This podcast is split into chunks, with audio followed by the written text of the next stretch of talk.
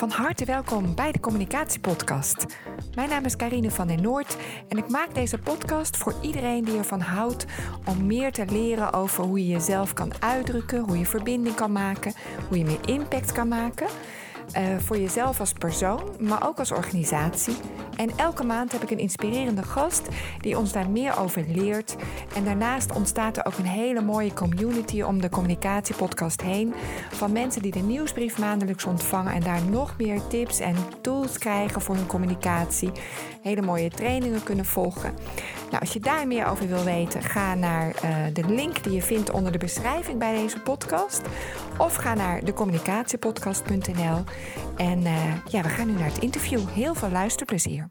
Mensen, van harte welkom bij weer een nieuwe aflevering van de Communicatiepodcast. Ik ben in gesprek vandaag met Adrie Dolman. Adrie, van harte welkom. Wat tof dat je mee wil doen met deze podcast. Ja. Um, de mensen kennen jou misschien nog niet allemaal. Zou jij je willen voorstellen als eerste? Wie ben je en wat doe je? Ja hoor, ja, ik ben natuurlijk uh, Adrie Dolman, zoals je al zei. En uh, ik ben organisatiecoach. Dat wil zeggen dat ik uh, organisaties help om hun organisatie verder te ontwikkelen. En mijn specialisatie is om organisaties te helpen ontwikkelen naar een wendbare organisatie. Ja. Dat is de agile organisatie. Ehm, dus wat ik doe is dat ik heel veel trainingen geef bij bedrijven om uh, de mensen op hetzelfde kennisniveau te krijgen. Dat ze kunnen overzien van waar hebben we het over en uh, de vaardigheden leren en daarna ga ik ze coachen. Dat is eigenlijk het uh, grootste deel van mijn werk dat ik in organisaties observeer en feedback geef en met mensen in gesprek ben om te kijken hoe kunnen we een hele wendbare organisatie hier bouwen met z'n allen. Ja, want dat is nodig, wendbare organisaties. Ja, zeker als je in de huidige tijd kijkt, eh, waarbij uh, ook voor bedrijven de toekomst uh, heel onvoorspelbaar is. Maar ook heel veel dingen in de wereld ja, impact hebben op de organisatie. Dus die, die, aansluiting, zeg maar, dat je mee kan bewegen met een verandering die steeds sneller gaat. Dat is vandaag de dag wel heel actueel voor bedrijven. en ik ben natuurlijk veel met bedrijven bezig, dan gaat het altijd over de verandering dus, de, dus de snel veranderende wereld. De wereld verandert nu sneller dan dat bedrijven kunnen veranderen. Ja. Dus de bedrijven missen al heel snel de aansluiting als ze daar niet bewust op inzetten. Ja. En dan noemen ze dan de wendbare organisatie of de agile organisatie, of maar net welke naam je dan wil geven. Ja. Uh, agile zit al een beetje in de, de hype-hoek, zeg maar, als woord. Uh, En heel veel bedrijven uh, interpreteren agile ook niet op de juiste manier. Hetzelfde als ja, bedrijven zeggen al 40 jaar dat ze klantgericht zijn. Als je kijkt wat ze nou echt zijn, zeg maar. Ja, dan, dus de intentie wat ze hebben uh, en wat ze echt zijn, daar, daar zit nogal een, een verschil in. Ja. En uh, een wendbare organisatie is iets anders dan een flexibele organisatie. Die maar overal een beetje meewaait of zo, weet je wel.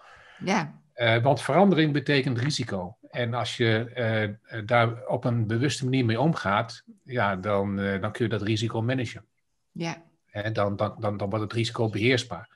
Want de toekomst is onvoorspelbaar voor bedrijven. En mensen kunnen de toekomst ook niet voorspellen.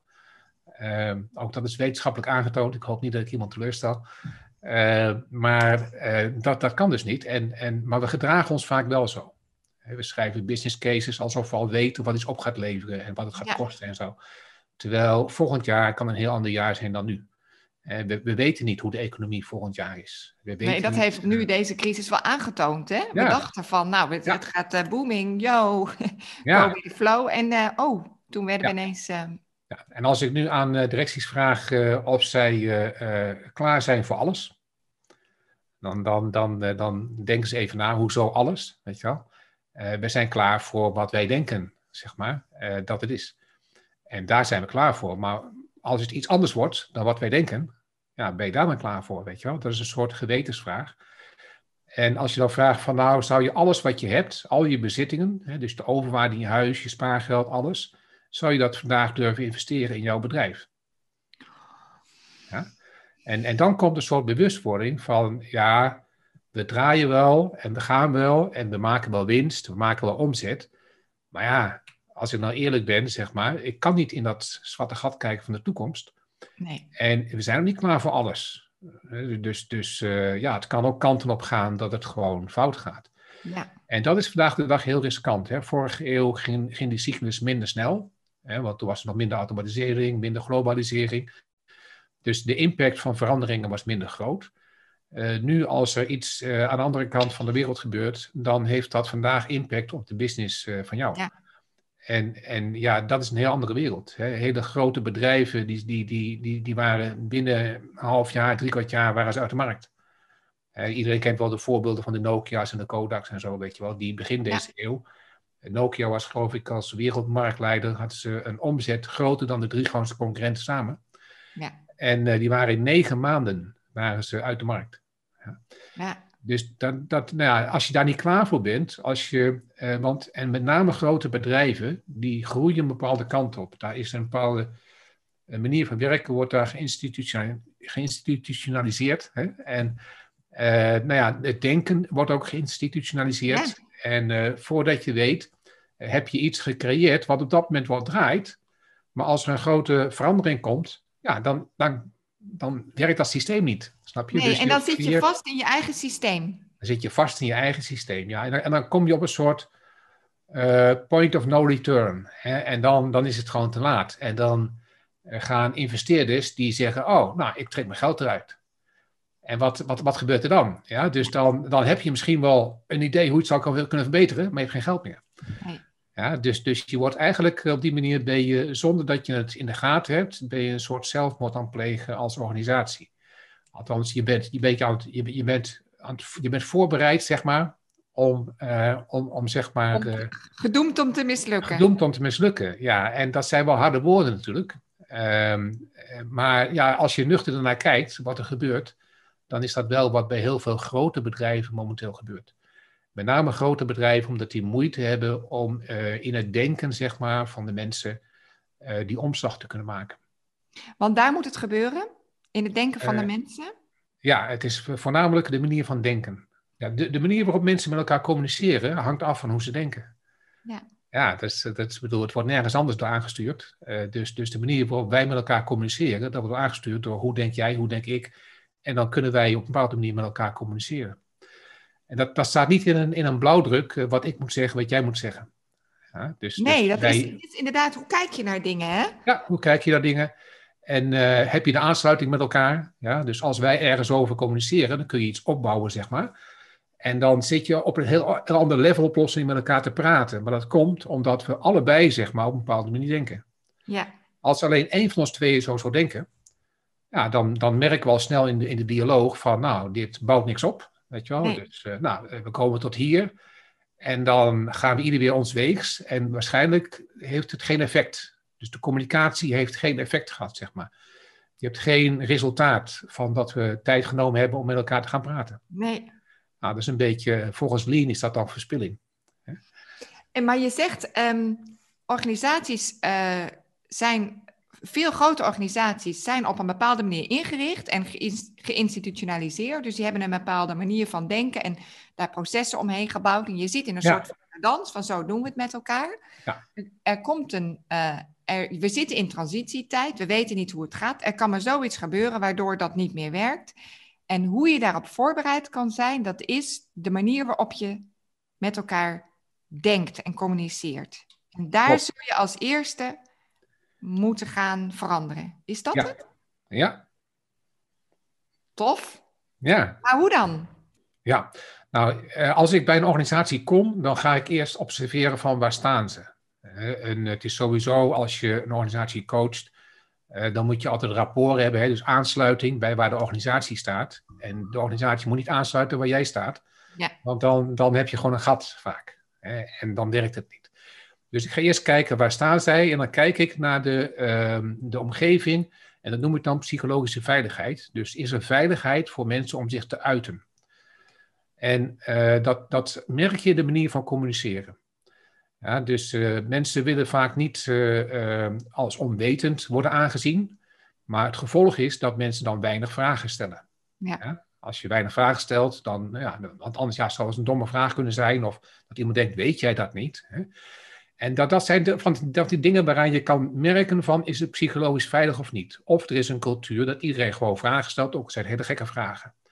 En dan merk ik, oké, okay, dus iemand is niet bang dat het onwetend overkomt. Hè, dus het, is, het, is, uh, het kan hier, zeg maar. Het mag hier. Het mag hier, ja. Je, je mag hier gekke vragen stellen. Sterker nog, het wordt gerespecteerd. Het wordt gewaardeerd dat je gekke vragen stelt.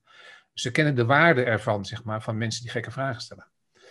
Uh, maar mensen willen ook niet uh, als onbekwaam. Hè? Dus nou ja, uh, dan, als er een fout gemaakt wordt, dan proberen we dat te verdoezelen. Dan proberen we het goed te praten of een reden te bedenken aan wie het ligt. Waarom het fout gegaan is. Dat is altijd buiten jezelf, zeg maar. Ja, maar dat en daarom ging het fout. Nou, dat, dat zijn allemaal dingen waar je kan merken of, of er een basis is, zeg maar, om in de organisatie effectief met elkaar te communiceren als ik met een organisatie praat en iemand zegt uh, tegen mij van ja, maar je hebt toch uh, vier dagen training gegeven die mensen, weet je helemaal niet uh, wat daar en daar speelt. Ja, dan, dan spreek je iemand aan op ja, maar je hebt dit gedaan, dus bam. Je moet dan ja, meteen dat. Het zegt ook iets, hè? Nou, dat, dat zijn... Het is zo moeilijk om dat uit een cultuur te krijgen. Hoe, hoe, ja, hoe doe je ja. dat dan? Nou ja, als, als ik zo'n sessie geef, dan ga ik, uh, maak ik tekeningen van de hersenen, hoe de hersenen werken. en hoe dat zit met je, met je reptiele brein en je, en je zoogdierenbrein en uiteindelijk de neocortex, je, je mensenbrein, zeg maar. En vanuit welke brein ben je nu aan het praten en vanuit welke brein reageer je nu in de organisatie? En als mensen zich daarvan bewust worden, dan gaan ze bij zichzelf herkennen: oké, ik, ik ben nu een beetje vanuit mijn zoogdierenbrein, eh, ben ik uh, in mijn emotie, ben ik een beetje aan het reageren. Maar ik zou verstandiger kunnen zijn, zeg maar. Ik kan ook vanuit mijn neocortex reageren. En dan ga ik er anders mee om en dan raakt het mij ook minder. En dan krijg je al sowieso een ander klimaat om met elkaar te praten. Maar dat, dat, vraagt wel even iets, zeg maar, voor mensen om dat zelfbewustzijn te krijgen.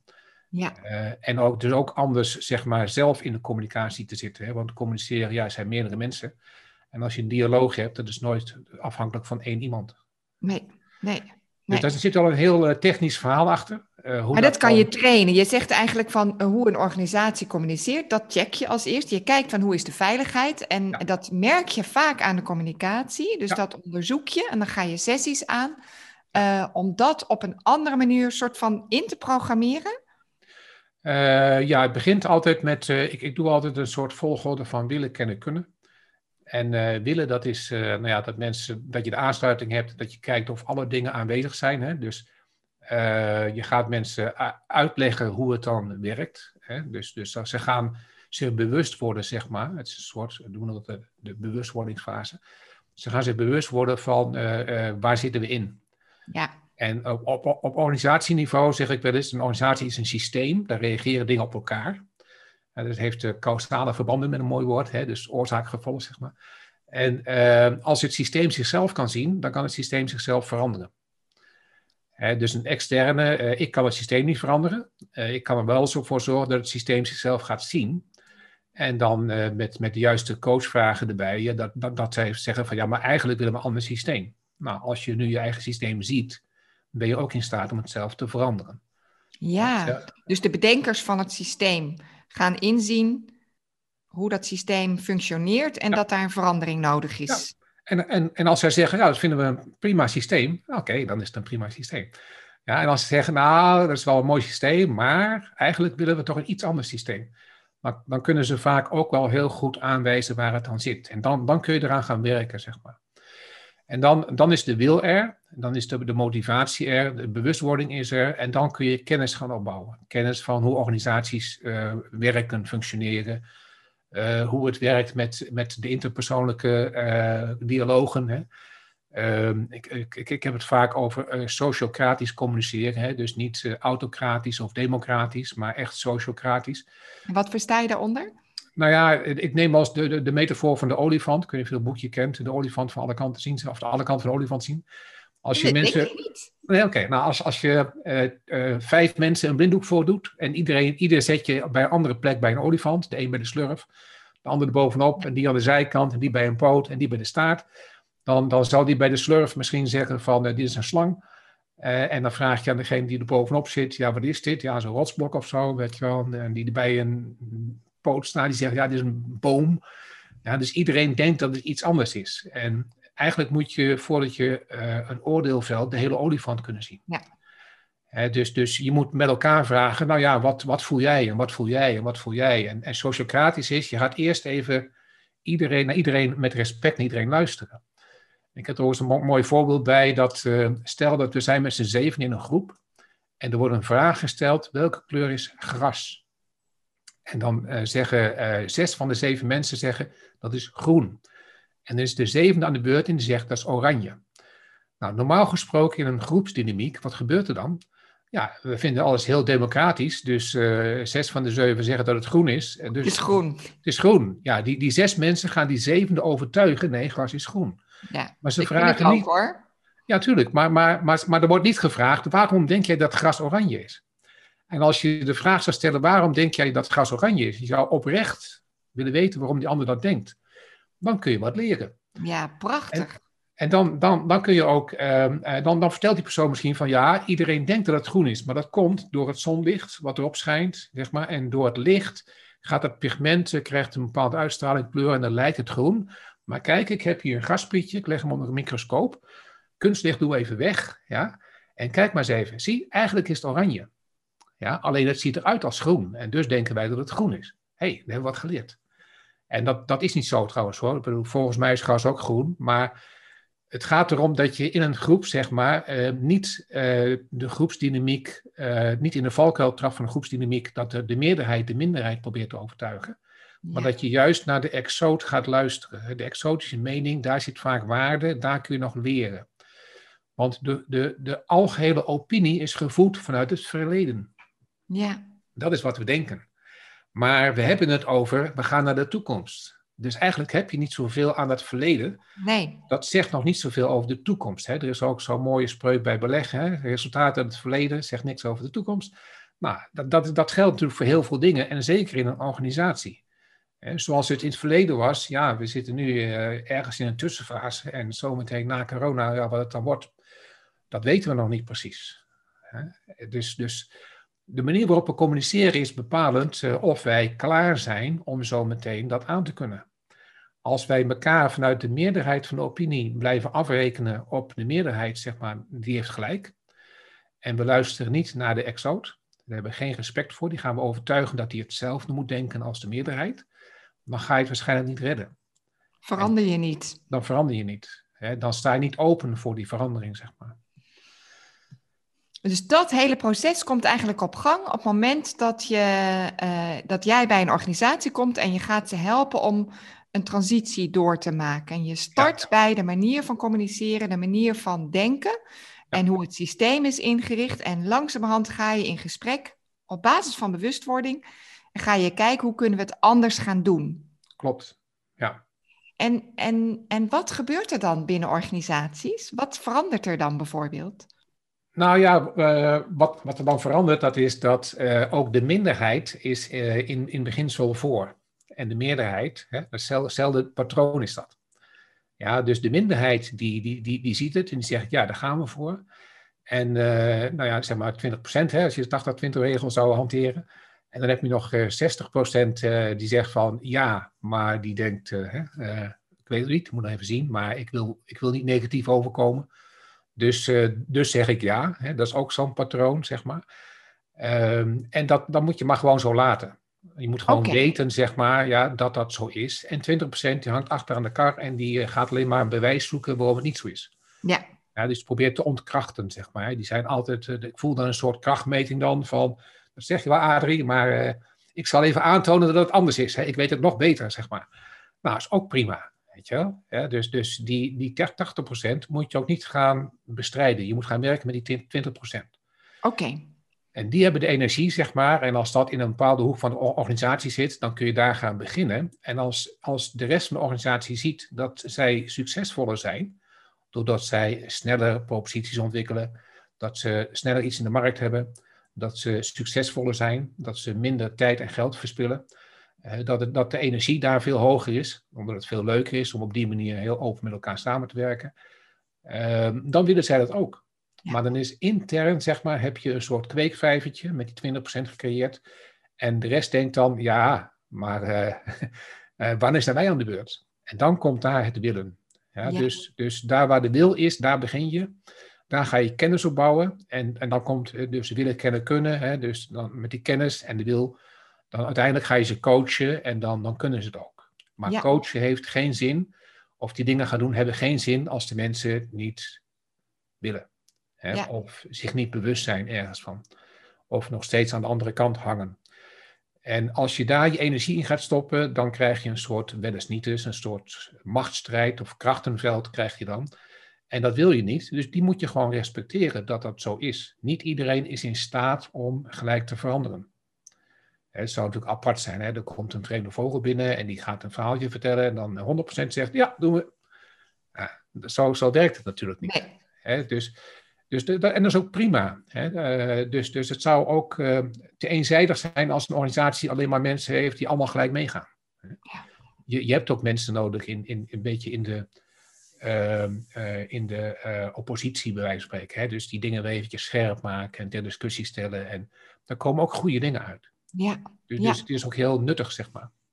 Ja, en wat interessant dat je zegt, um, uh, die 20 voor oplopers, die 20% van de mensen die, die, die het positief zien, daar ga je mee aan de slag. Ja. En hoe, um, hoe voorkom je nou dat het bij die 20% blijf. Want ik zie ook wel uh, veranderingen dat het inderdaad een mooi idealistisch gebeuren is. En dan ergens halverwege het proces, dan kan het soms ook maar doodbloeden of zo. Dan, dan blijft het bij die ene kweekvijver en dan lukt het niet om die rest mee te krijgen. Dat klopt. Hoe doe je dat? Dat doen we niet. Dat doe je ook niet. nee, want kijk, uh, uh, sommige adviseurs, uh, organisatieadviseurs of coaches, die denken dat zij een organisatie kunnen veranderen, maar dat is niet zo ik kan een organisatie niet veranderen. Een organisatie kan alleen zichzelf veranderen en mensen kunnen alleen zichzelf veranderen. Mensen willen niet veranderd worden, maar ze willen wel degelijk veranderen, maar dan wel wat ze zelf willen veranderen. Ja, en, en, vanuit dat eenvoudige principe moet je niet aan een, aan een dood paard gaan trekken. Uh, dan, dan moet je respecteren dat niet alle bedrijven zijn zover dat zij dat kunnen veranderen. Nee. En uh, de banken waar we net over hadden, ja, uh, die doet daar bijvoorbeeld heel lang over. En dat moet je dan ook respecteren, snap je? Ik bedoel, en dat kan ook, want, nou goed, ja, nou, laat ik het anders zeggen. Ik kan dat ook makkelijker, omdat ik kan mezelf toch niet uh, in twintig delen leveren aan honderd bedrijven, snap je? Nee. Dus ik, ik, ik besteed ook mijn aandacht aan de bedrijven die daar klaar voor zijn en die daar ook, waar, waar het ook groeit, waar het ook ontstaat. Ja. En als het niet ontstaat, ja, dan, dan ben ik zeg maar de verspilling. Snap je? Ja, tegelijkertijd zijn er dan natuurlijk mensen geenthousiasmeerd. Ik, ik, ik kan me ook voorstellen dat je, dat je zo iemand kan zijn van die 20%. Misschien wel iemand die nu luistert en je zit op een managementpositie en je hebt je enorm gestort op een soort van proces. En je merkt gewoon, het, het komt niet van de grond of zo. Ik zit, wat moet je dan? Dat kan ook heel eh, frustrerend voelen, hè? dat je dan ja. niet verder komt. En ja. dan? Nou ja, uh, soms dan moet je denken, de pijn is nog niet groot genoeg. Het moet eerst meer pijn doen en dan zijn ze zover. Eh, de vraag is alleen, eh, maar of zijn ze dan bij een point of no return, zeg maar, hè, dat je te lang gewacht hebt. Ehm, het, enige, het enige wat je, kijk, uh, echt draagvlak krijg je in een organisatie pas op het moment dat het succesvol is.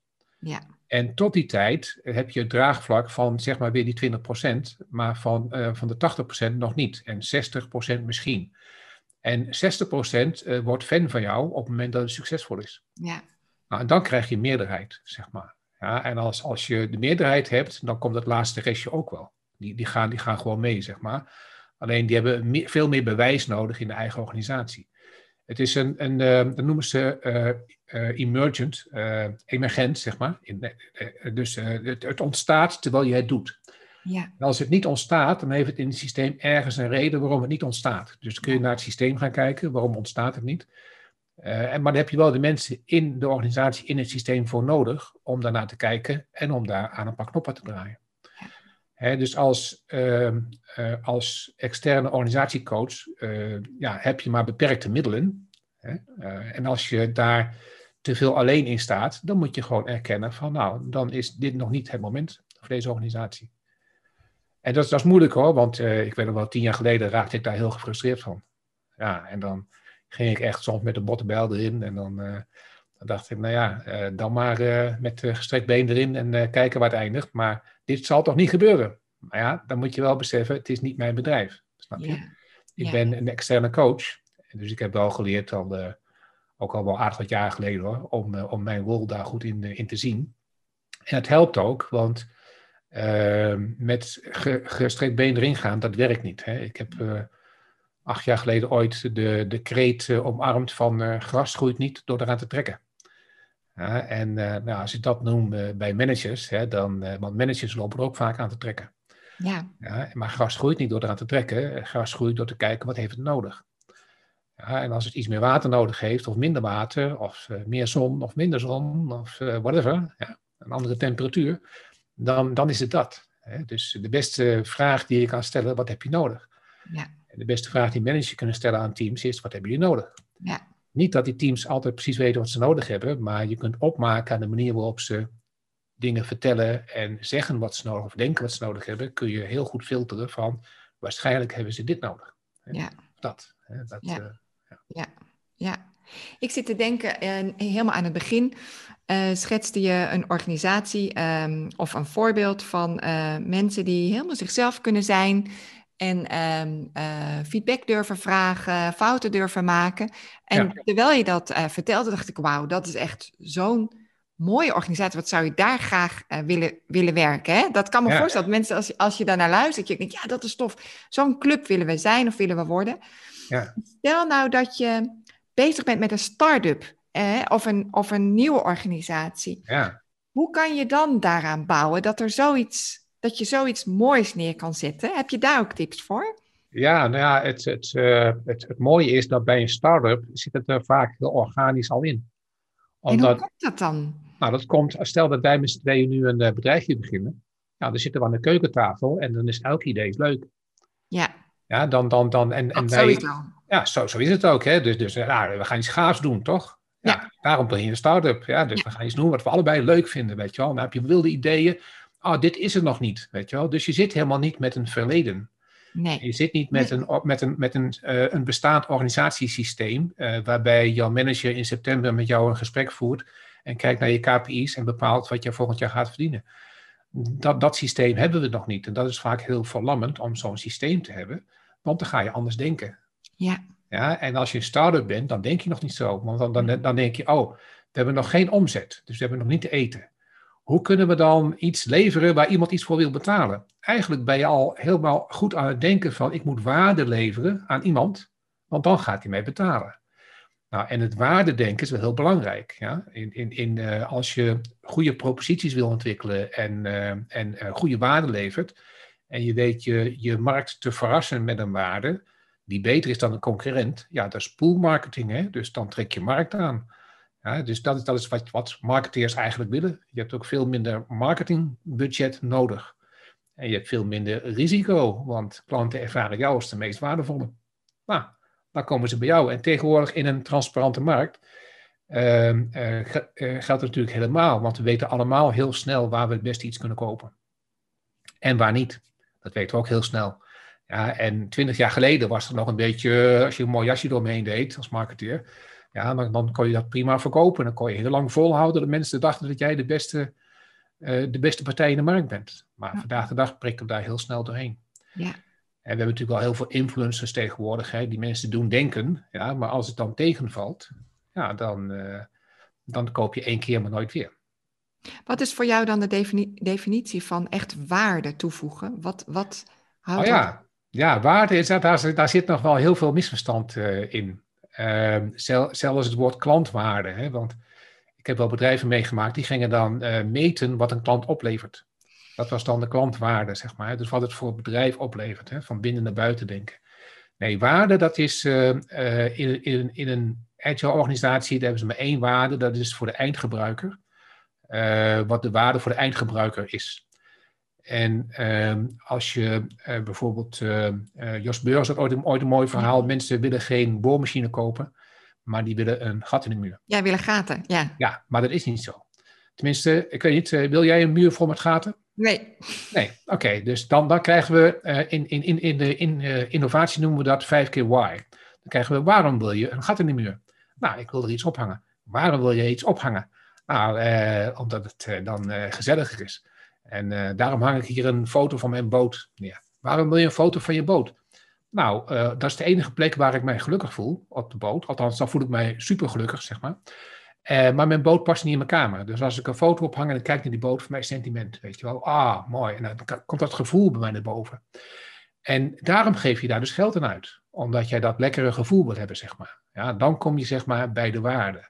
En dan is het sentiment of gemak of eh, dat je er iets mee kan bereiken of zo. En waarom wil je dat dan weer bereiken? En zo, door, dat noemen ze vijf keer why, Ga je in, de, in het brein van de gebruiker duiken om te ontdekken wat, wat zijn nou die drivers? Wat drijft iemand om geld uit te geven? Ja. En, als je, en maar dan moet je wel dingen durven te erkennen hoe mensen in elkaar steken, zeg maar. Hè? Want wat mensen zeggen is vaak iets anders dan wat mensen doen.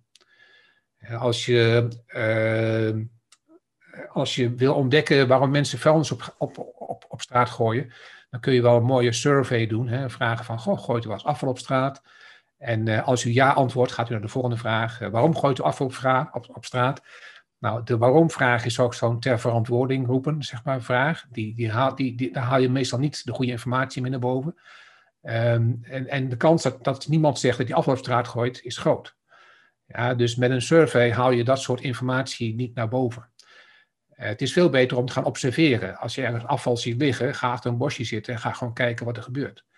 En kijken of je aanname klopt. Want natuurlijk denken we allemaal dat het scholieren zijn die afval op straat gooien.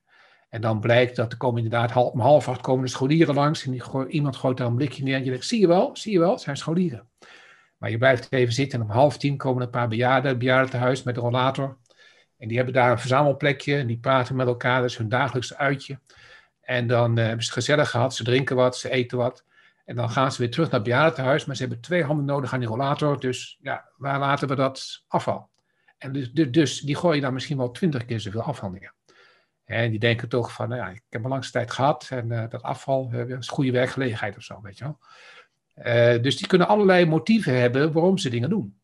Maar het snappen van dat soort motieven en niet afgaan op wat mensen zeggen, ja, dat is natuurlijk een kunst op zich. Ja.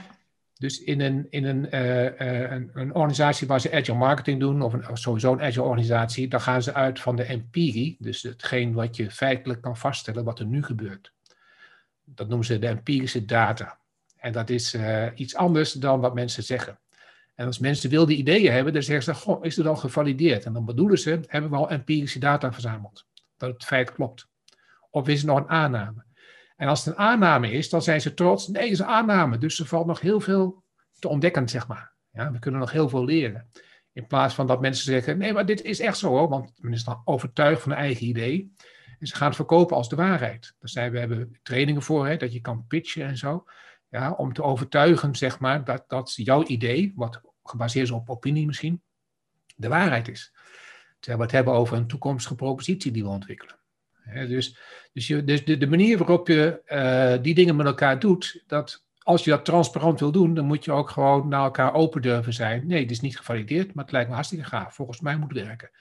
Nou ja, volgens mij is het ook gaaf, weet je wel. Nou, dan gaan we dat valideren. En dan gaan we niet een groot plan schrijven naar de directie en vragen om 20 eh, miljoen uh, budget om er met een heel projectteam aan te gaan werken. We gaan eerst even valideren. En dan, dan dat is ook een andere manier van communiceren. Hè? Geen grote, dikke plannen, maar uh, eigenlijk uh, met hele kleine experimentjes data verzamelen, waarmee je je aannames valideert. En gewoon open bent in, ja, nou, wij weten het ook nog niet. Nee. Ja, daar ben ik heel erg voor. Geen grote plannen, maar gewoon starten als een soort van pilot en dan maar kijken. Ja. En, en, en dat valideren nog even, dat ik het goed snap. Dat is dan, en dat doe je dan door middel van observeren of wat je bedenkt ook klopt. Dus je aannames checken door goed te kijken hoe uh, reageert de markt, wat gebeurt er in de markt, wat doen onze toekomstige klanten. Zo? Ja. Ja, dat, dat noemen ze ook wel de, de, de traction metric, hè, dus de, de tractie, de, de bewegingsmeter, uh, zeg maar. Ja. Uh, dus, dus je gaat een klein experimentje, noemen ze dat dan. Hè, dus we gaan gewoon iets uitproberen met echte klanten. En we gaan gewoon kijken wat er gebeurt. En welke beweging, hè, dus tractie, welke beweging komt er? Uh, en uh, soms denk je dat het een hele mooie beweging is en dan gebeurt er heel weinig. En soms denk je, ah, dit gaat wel wat doen. En dan, uh, of, of, of, andersom, hè, dat, je, dat je denkt, nou ja, ik weet niet wat er gebeurt. Maar dan komen er allerlei bijeffecten. Zoals uh, de Postbank, die was de eerste met uh, internetmarkieren in Nederland. En die hebben dat gewoon uitgeprobeerd. Door een simpel applicatietje te maken waarbij ze alleen maar konden zien wat iemand typte op een scherm. En dat typten ze dan over in het bestaande systeem. Dus dat kostte heel weinig geld, zeg maar. En ze hadden gewoon uh, eh, 500 klanten uitgenodigd en gezegd: Jullie kunnen nu uh, internet bankieren, beschrijving erbij, was nog zo'n piepmodem. En dan kijken of mensen dat durven, überhaupt. Hè, hun bankrekening via internet. Ja, ja, als het er nog niet is, hè, nu vinden we het heel normaal, maar toen was het heel nieuw. En uh, nou ja, toen uh, kon zo'n beetje de helft, die durfde dat. En daarvan bleef 4, 5 het ook gewoon doen, zeg maar. Nou, dat is hele hoge score. Dus ze waren heel blij. Ze dachten, nou, nu zijn we klaar. Maar er gebeurden nog heel veel andere dingen. Waar ze nog veel meer aan hadden.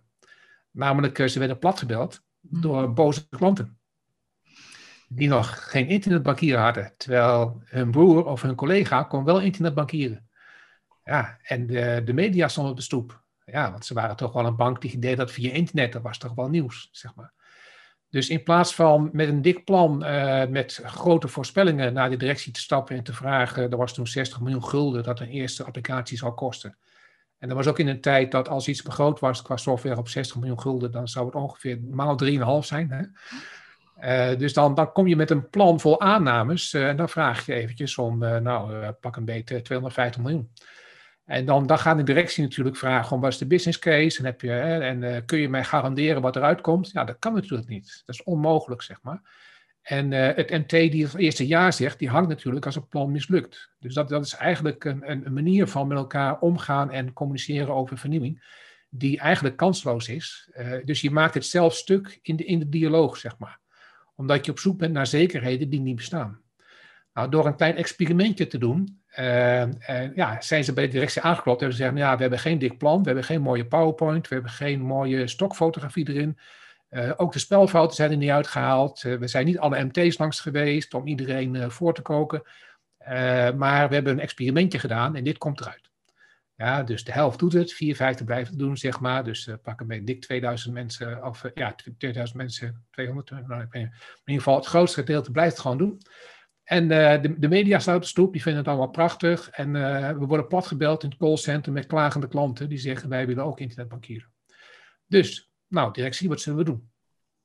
Nou ja, dan, zegt, dan kan de directie, nou die vraagt misschien nog, ja, wat kost zoiets dan of zo, weet je wel. En dan zeg je, ja, begroot 60 miljoen, maar reken maar op 300 miljoen. Ja, oké, maar ja. We hebben in ieder geval iets waarop we de business case kunnen baseren. Ja, dus dat mensen het gaan doen. Ja. Ja, en dan, dan kun je echt een betrouwbare business case uitrekenen. En dan is die 300 miljoen ook geen punt van discussie meer. En dan durven MT-leden ook hun hoofd op het hakblok te leggen, want het is aangetoond. Ja. En, en dat is een andere manier van samenwerken. En dat, dat vraagt een andere manier van communiceren met elkaar. Maar door zo te werken ga je ook anders communiceren. En dat geeft veel meer energie. Dat, dat, dat geeft die flow, zeg maar, in zo'n agile organisatie. Uh, en dat is ook dat dezelfde flow als die een start-up ervaart. Hè, om op, jouw vraag terug te komen. Omdat je, omdat je daar al zo denkt. Daar ben je al bezig met, laten we dit eens proberen, laten we dat eens proberen. En hé, uh, hey, ik zie dat klanten dit willen. Hey, klanten betalen hiervoor, zeg maar. Oh, dan moeten we dat uh, meer gaan uitbouwen. Dus, dus misschien helemaal niet zo bedacht, maar automatisch werk je al zo als een start-up maar als corporate ben je niet meer in staat, als, als heel veel moeilijker in staat om zo te werken. Dat, dat vraagt echt vaak een omslag, omdat uh, veel corporates zijn een beetje industrieel ingericht, zeg maar. Dus die zijn gewend uh, dat, dat de wereld wat voorspelbaarder is, terwijl die echt razend onvoorspelbaar geworden is. Hè. Ik zeg wel eens, we zitten niet in, het, in, een, in een, in een tijdperk van verandering, dat zeggen we wel eens, maar we zijn aan het veranderen van tijdperk. Er komt echt een ander tijdperk aan. En daar kun je echt niet meer met een organisatiemodel aankomen van de vorige eeuw. Um, hoewel dat organisatiemodel voor een deel van de organisatie wel blijft bestaan, omdat daar waar je productieproces hebt en dergelijke, dat zijn voorspelbare processen. Daar is het uh, uh, Lean Six Sigma, zeg maar, wat je daar gaat helpen om te optimaliseren. En, en drie kwart van de organisatie is zelfs een beetje gaan naar Lean Agile. En dat moet wendbaar zijn en dat moet anders met elkaar gaan communiceren. Uh, gaat ook andere manieren van proposities ontwikkelen, andere manieren van dingen in de markt zetten. En als je het hebt over marketingcommunicatie, daar gaat ook veel, of daar is al veel aan het veranderen. Um, traditioneel deden we nog wel eens uh, overpromise, underdeliver. Nou, dat is absoluut een, een, een detractor geworden, een, een, een dissatisfier. Als je dat in de huidige markt zou doen, laat staan in de toekomstige markt. Dan word je keihard op afgerekend. Dus sales moet anders gaan denken, moet anders gaan communiceren. Marketing moet anders gaan denken, anders gaan communiceren. En die moeten echt, uh, à la, à la uh, Cool Blues bijvoorbeeld, heel goed in. Die doet under promise, over deliver. Ja. En als, jij, als jouw verwachtingsniveau hebt, ik krijg 7 en jij krijgt 7,3, ja, dan vind je leuk. Maar als jij 6,7 krijgt, maar je had 7 verwacht, dan vind je niet leuk. Ja? Uh, dus uh, Coolblue heeft ook een slogan, alles voor een glimlach. Nou, en dat, daar, daar zit deze filosofie achter. Ja, dus je moet uh, under promise, over deliver doen, want dan krijg je een glimlach. Maar oké, nou heb je 7,3 geleverd. Nou, nou verwacht men de volgende keer op zijn minst 7,2. Ja, dus je gaat ook dat weer. Hè? Dus je moet elke dag bezig zijn om te kijken, oké, hoe kunnen we de verwachting zo managen dat wij kunnen uh, overleveren? Hoe noem je dat? Uh, dat wij meer kunnen, eigenlijk de verwachting kunnen overstijgen, zeg maar. Ja, en dat noemen ze dan customer delight proposities. Dus dat, dat je klanten verrast met een positief iets wat ze zelf nog niet bedacht hebben. Dus ze kunnen het jou ook niet gaan vertellen. Dus je moet het gaan ontdekken. Dus dat, betekent met experimentjes kijken waar tractie ontstaat en ontdekken wat mensen echt drijft. Uh, en dan niet de, al gelijk beloven dat ze naar Mars kunnen vliegen, ja, maar mensen wel verrassen met raketjes die weer op hun kont kunnen landen, bijvoorbeeld. Hè. Dat mensen zeggen: Oh, wauw, dat is prachtig, want dat hebben ze nog nooit eerder gezien. Ja, maar dat is wel onderdeel zeg maar, van dat ver weg doel. Uh, en dan kom je met dat soort dingen, zeg maar, kom je in de markt. En dat kun je als organisatie ook doen. En het is heel mooi als teams dat doen, uh, als marketingteams dat doen, als uh, marketingteams niet alleen uit marketeers bestaan, maar er zit gewoon multidisciplinair, zit er van alles in wat je nodig hebt om een propositie te ontwikkelen. En die mensen denken per definitie anders. En als die mensen respecteren dat ze allemaal anders denken, sterker nog, dat ze waarderen uh, dat mensen allemaal anders denken, maar dat ze toch een team zijn, dan krijg je die flow en dan krijg je als iemand iets zegt wat totaal anders is, haak staat op hoe jij denkt, dat je dan niet dat probeert te bestrijden, maar dat je dan zegt, hé, hey, dat is interessant. Ik dacht dat het goud was en jij zegt dat het brandhout is. Nou, ik kan waarschijnlijk nog wat van jou leren. Ja, vertel. Ja, wat maakt dat jij denkt dat het brandhout is? Ja, nou, dan gaat die persoon vertellen. En, maar als die persoon dan aan jou vraagt, ja, maar wat maakt dat jij denkt dat het goud is? Nou, dan kan die persoon ook weer. En dat is dan het sociocratische. Zonder dat je in een Pools landdag belandt. Ja? Dus je moet dat wel dusdanig organiseren met elkaar. Dat het geen Poolse landdag wordt. Dat je wel de hele olifant uh, kan bekijken met elkaar. En dat je op die manier uh, een andere interpersoonlijke dialogen krijgt met elkaar. En ook een andere uh, communicatie krijgt met de markt. Je hoeft ja. niet het maximale te gaan beloven om markt aan te trekken. Sterker nog, als je te veel belooft, dan krijg je alleen maar daarmee je eigen teleurstellingen aan het organiseren in de markt. En dan ga je jezelf buiten de markt zetten. Ja, en, en trouwens, wauw, wat, wat deel je ontzettend veel kennis, echt super. En um, uh, wat, ik nu, uh, wat nu vooral bij mij blijft hangen is, je zegt er is een enorme shift gaande van, uh, van een hele andere manier van je organisatie inrichten, een hele andere manier van elkaar inspireren en met elkaar praten binnen organisaties. Ook een compleet andere manier van met je klanten communiceren. Ja. En eigenlijk um, zeg, je, zeg je ook van dat start-up denken, wat start-ups hebben, dat zou je eigenlijk moeten willen in een grote organisatie. Dus veel meer als een start-up gaan denken. Ja. En helemaal aan het begin van ons gesprek uh, kwamen we erop dat je, dat je dan vooral start met uh, bewustwording van het systeem. Hoe, hoe denk je dan nu en hoe zit je systeem? En daar moet je eigenlijk mee aan de slag gaan met elkaar en veel meer als een start-up gaan denken. Ja, en, het, ja. ja. hè? En je zegt, um, we gaan met z'n allen veel meer agile worden. We worden eigenlijk heel. Uh, 80% van de markt wordt een agile organisatie. Gaat dat echt gebeuren, ja? Nou, uh, ik denk dat 100% van de organisaties uh, uh, wendbaarder zal moeten zijn, wil die ja. klaar zijn voor de toekomst. Als directies antwoorden op de vraag van ben jij klaar voor alles? Ja, als ze dan zeggen ja, wij zijn klaar voor alles. Ja, en zou je tot, tot je laatste cent zeg maar, vandaag in je bedrijf durven investeren? En ze zeggen ja, en ze, ze, doen het ook, zeg maar. Ja, dan, dan zijn ze er klaar voor. Als iemand, als er een organisatie is die, die, die, waarbij men zegt van ja, toch nog even nadenken of ik echt al mijn geld erin stok, want ja, ik wil niet mijn pensioen verspelen, zeg maar. Uh, nou, dan, dan is daar nog enige twijfel. En dat betekent dat ze nog niet zo georganiseerd zijn. Nee. En dat, dat klinkt misschien heel hard, maar we gaan heel erg veranderen in, in, in de wereld. En die verandering gaat steeds sneller. Ja. En de, de verandersnelheid van de wereld, zeg maar, door technologie en dergelijke en de globalisering, die is dusdanig veel sneller geworden dan dat organisaties zich kunnen aanpassen als ze traditioneel georganiseerd blijven. Dus je zult zeg maar uh, een deel van je organisatie zul jij zo moeten inrichten dat die mee kunnen met die verandering. Ja. Een ander deel hoeft niet mee en dat is het industriële deel. Dat is het, het deel waar, waar, voorspelbaar werk plaatsvindt. Dus zoals een productieproces bijvoorbeeld. Hè, of een accountant die moet volgens bepaalde vaste regels moet die zijn accountancy uh, doen. Uh, maar voor een deel ook weer niet. Hè. Die moet ook naar, kijken naar de organisatie, zeg maar. maar de boekhoudregels, die, die, dat, dat zijn de boekhoudregels, snap je? Ja. En ja. Als, als bij Coolblue een, een, een bestelling binnenkomt, dan moet die volgens een, een vaststaand proces zo snel mogelijk ingepakt en bij jou thuiskomen. Nou, dat, dat moet je niet op een agile manier gaan doen. Nee, dat, dat is een vaststaand proces. Maar het is een voorspelbaar proces.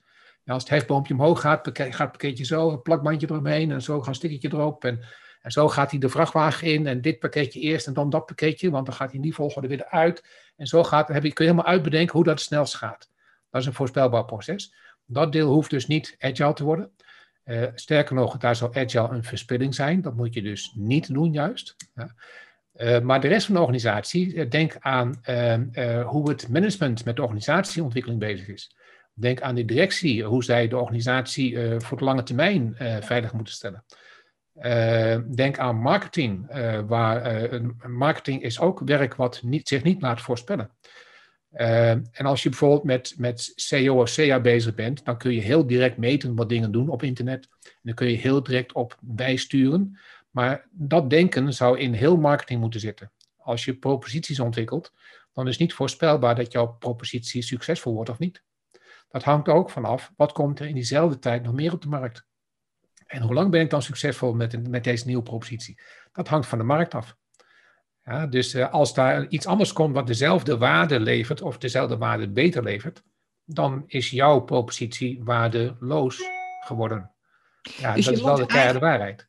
Maar je moet dus eigenlijk voortdurend een paar mensen in je team hebben die scannen wat gebeurt er op de markt. Uh, wat gebeurt er met mijn markt? Wat doet de concurrent? Wat lees ik uit data? Ja, en je moet, je moet teams de ruimte geven om uh, daar vanuit meerdere kanten naar te kijken.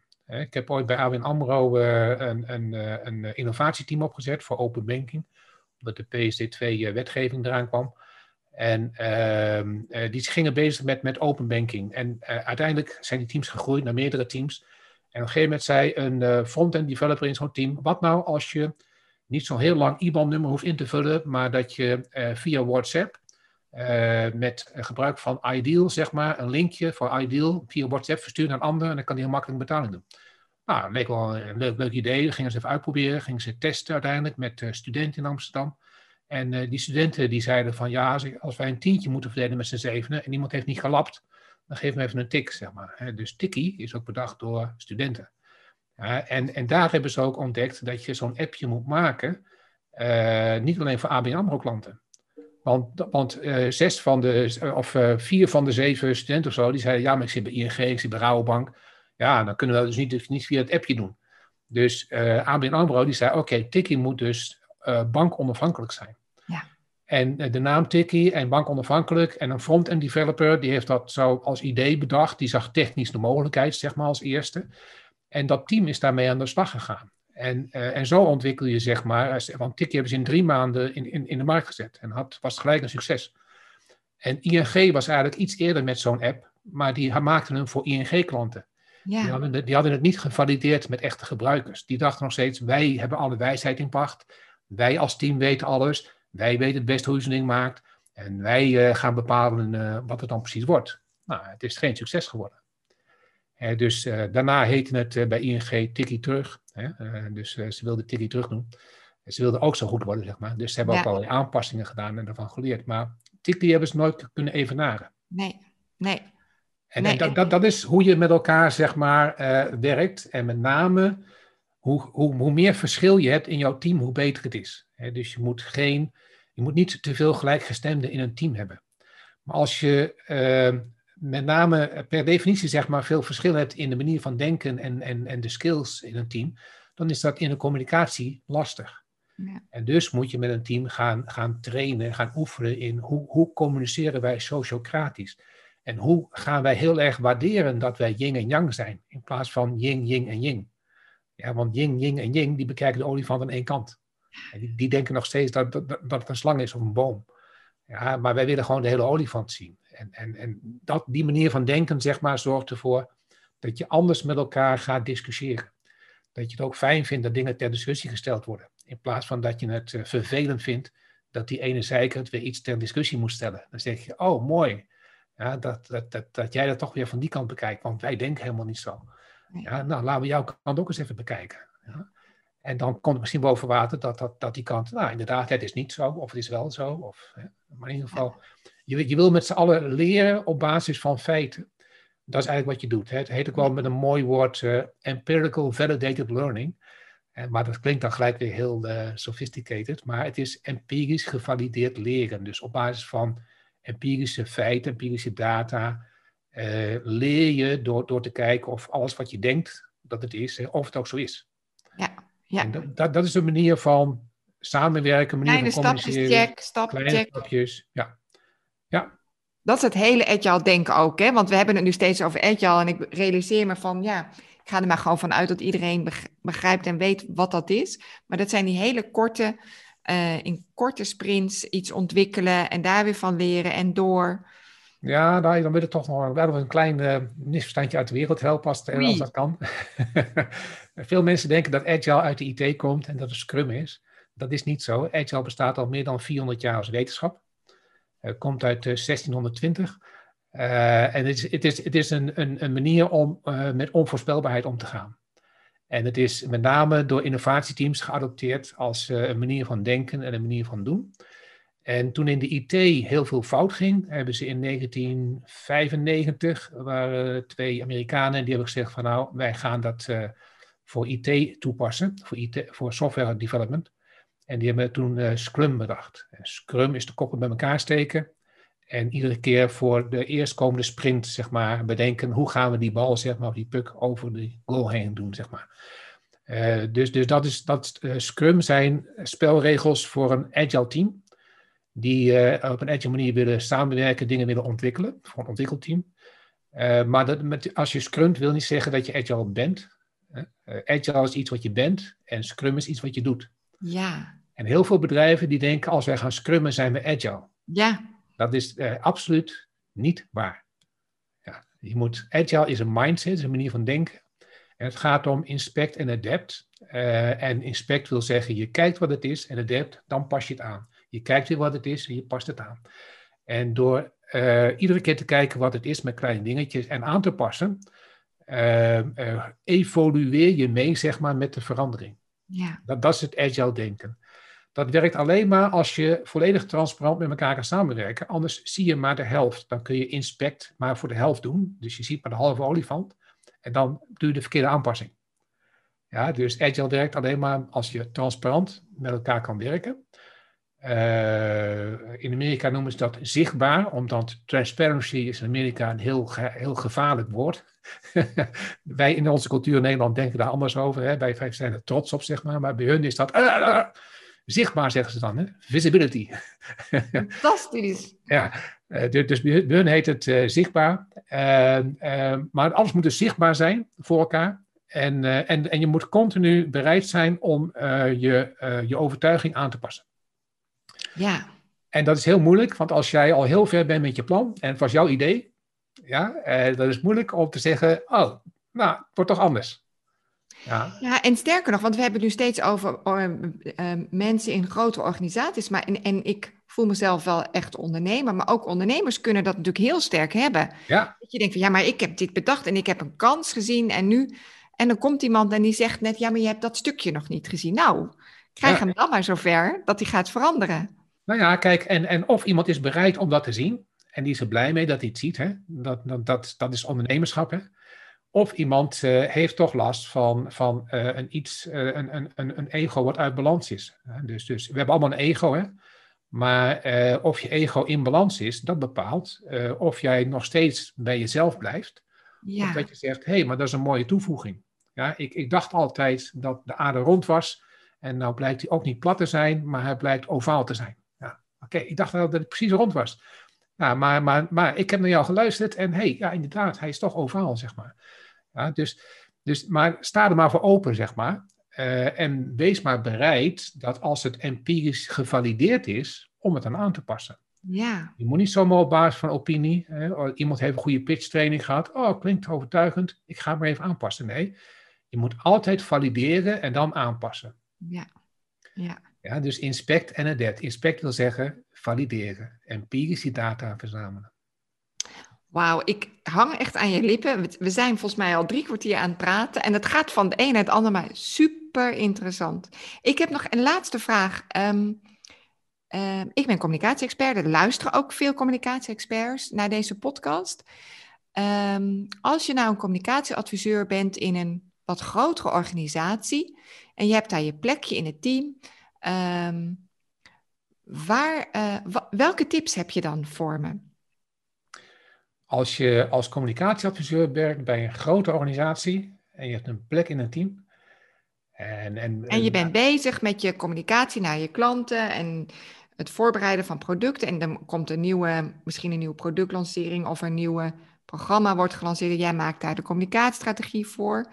Ja. Gaat altijd een beetje op zo'nzelfde ja, riedel. En niet om mijn om mezelf en mijn vakgenoten tekort te doen, maar je hebt toch snel een bepaalde aanpak en zo doe je het altijd. En je schuift aan bij een projectteam en je luistert en je doet een intake en je maakt je strategie. Voor je het weet zit je natuurlijk zelf ook in een bepaald procesje. Ben je misschien wel geïnstitutionaliseerd? Ja, ja, ja. Nou, sterker nog, eh, die, die kans is heel groot dat dat zo is. Ja, want je gaat mee met de omgeving, zeg maar, waar je, waar je in beweegt. Ja. Dus, dus, uh, dus, dat zal ook voor, voor, een, voor uh, een communicatieadviseur gelden. Ja. Nou, ik, misschien een paar, paar dingen, die zijn natuurlijk al een beetje voorbij gekomen. Uh, als communicatieadviseur ga je iets communiceren naar de markt of interne communicatie, maar in ieder geval, je, je hebt een doelgroep waarmee, waarmee een communicatie gebouwd wordt. En je moet je heel goed beseffen, de dingen die je gaat communiceren, waar is dat op gebaseerd? Is dat je doet een intake en iemand vertelt jou iets en op basis daarvan ging je doen? Of is dat, je deed een intake, iemand vertelde jou iets en uh, je dacht, hey, is dat gevalideerd? Ja, en als dat, dat laatste triggertje, zeg maar, zou een goede tip zijn om eerst even te kijken, is dat gevalideerd wat me hier verteld wordt? En, uh, oh, ze willen een nieuwe propositie in de markt zetten. En ze willen een Big Bang campagne. Nou, een Big Bang campagne, uh, terwijl iets niet gevalideerd is, hè, dus in één keer een grote campagne, gelijk op televisie en alles, gelijk groot geld er tegenaan. Uh, zonder dat iets gevalideerd is, dat betekent dat we eh, bereid moeten zijn om een heel hoog risico te lopen. Ja. Nou, zijn wij bereid een hoog risico te lopen? En als het antwoord nee is, wij willen niet een hoog risico lopen op verspilling van tijd en geld, dan moeten we eerst gaan valideren. En kunnen wij dan onderdelen van de communicatiecampagne al valideren in het klein? Ja, of dat inderdaad die, die traction, die, die beweging teweeg brengt in de markt. Uh, is de propositie zelf al gevalideerd? Of is de propositie ontwikkeld op basis van aannames? Uh, hoe groot is het risico dat wij uh, meer gaan beloven dan dat, dat, dat, we waar gaan maken? Nou, dus, dus zijn wij nu geld aan het investeren om mensen teleur te stellen en onszelf daarmee uh, te disqualificeren in de markt? Ja, nou, dat kan nooit de bedoeling zijn van onze communicatie, dat we geld investeren, dus moeite doen, zeg maar, om een ander te frustreren. Ja. Nee. En dat die ander over ons gaat vertellen van, nou, dat, daar, daar moet je maar niet zijn, zeg maar. Ja, dus dus ehm, het hangt heel veel vanaf. Uh, dus je moet niet proberen het zo mooi mogelijk te maken, maar je moet het altijd in balans zetten met de verwachting van de doelgroep met wie je communiceert. En als je, als je meer levert uiteindelijk dan wat uh, de doelgroep verwacht, want met communicatie ben je ook met verwachtingenmanagement bezig, uh, vooral misschien wel, uh, dan, dan, dan, dan heb je Customer Delight. En dan, dan krijg je zeg maar een soort aanzuigende werking, dat iedereen met je mee gaat denken, iedereen wordt fan van je. En, uh, en dan kun je, dan, dan kan geen brandingstrategie tegenop, zeg maar. Ja, dus dan, dan, dan, word je, dan, dan krijg je fans. En, en die, die bedrijven zijn ook heel goed te herkennen in de markt, want het zijn bedrijven die heel weinig reclame maken, maar wel razend populair zijn en hard groeien. Ja. En dat komt omdat ze dat heel goed in de gaten hebben met uh, um, underpromise, overdeliver, uh, valideren met je propositieontwikkeling, dat het op feiten gebaseerd is. Uh, en als je dingen communiceert, niet gelijk Big Bang, maar eerst eens even, even experimentje in klein. Testen, hè? testen je boodschap testen. testen. Ja, boodschap testen. komt die over, aanpassen, weer testen. Aanpassen, ja, en ook al dacht je dat jouw slogan briljant was, als mensen het anders opvatten, weet je wel, sta ervoor open. En, uh, en, en uh, kom er gewoon open en eerlijk vooruit dat je een mens bent. en mensen kunnen de toekomst niet voorspellen. En mensen weten niet alles. Ja, uh, ik praat met mensen en denk van, oh wauw, weet je wel. Maar ook ik weet niet alles, snap je? Dus ook ik moet altijd weer ontdekken binnen een bedrijf van, ja, maar wat is hier dan de weg? Zeg maar. En, en hoe, hoe gaat het dan? En als we dit doen, wat gebeurt er dan? Ik ben ook iedere keer weer op, op ontdekkingsreis. Ik weet niet van tevoren, zeg maar, hoe dat gaat lopen. En, en dat moet je ook gewoon, ook voor jezelf, zeg maar, moet je dat gewoon erkennen. Maar ook als team moet je dat erkennen, als organisatie, als directie, et cetera. Toen eh, Mark Rutte vorig jaar zei met de uitbraak van de pandemie van, uh, ja, we weten ook niet alles. Toen dacht ik, wauw, dat is, dat is een goed uitgangspunt, weet je wel. Erken gewoon dat je ook niet alles weet. Ja, en dat je dingen moet uitproberen. Dat je ook al gaandeweg gaat leren, zeg maar, wat de beste weg is. Toen zat er ook nog weinig politieke bemoeienis in.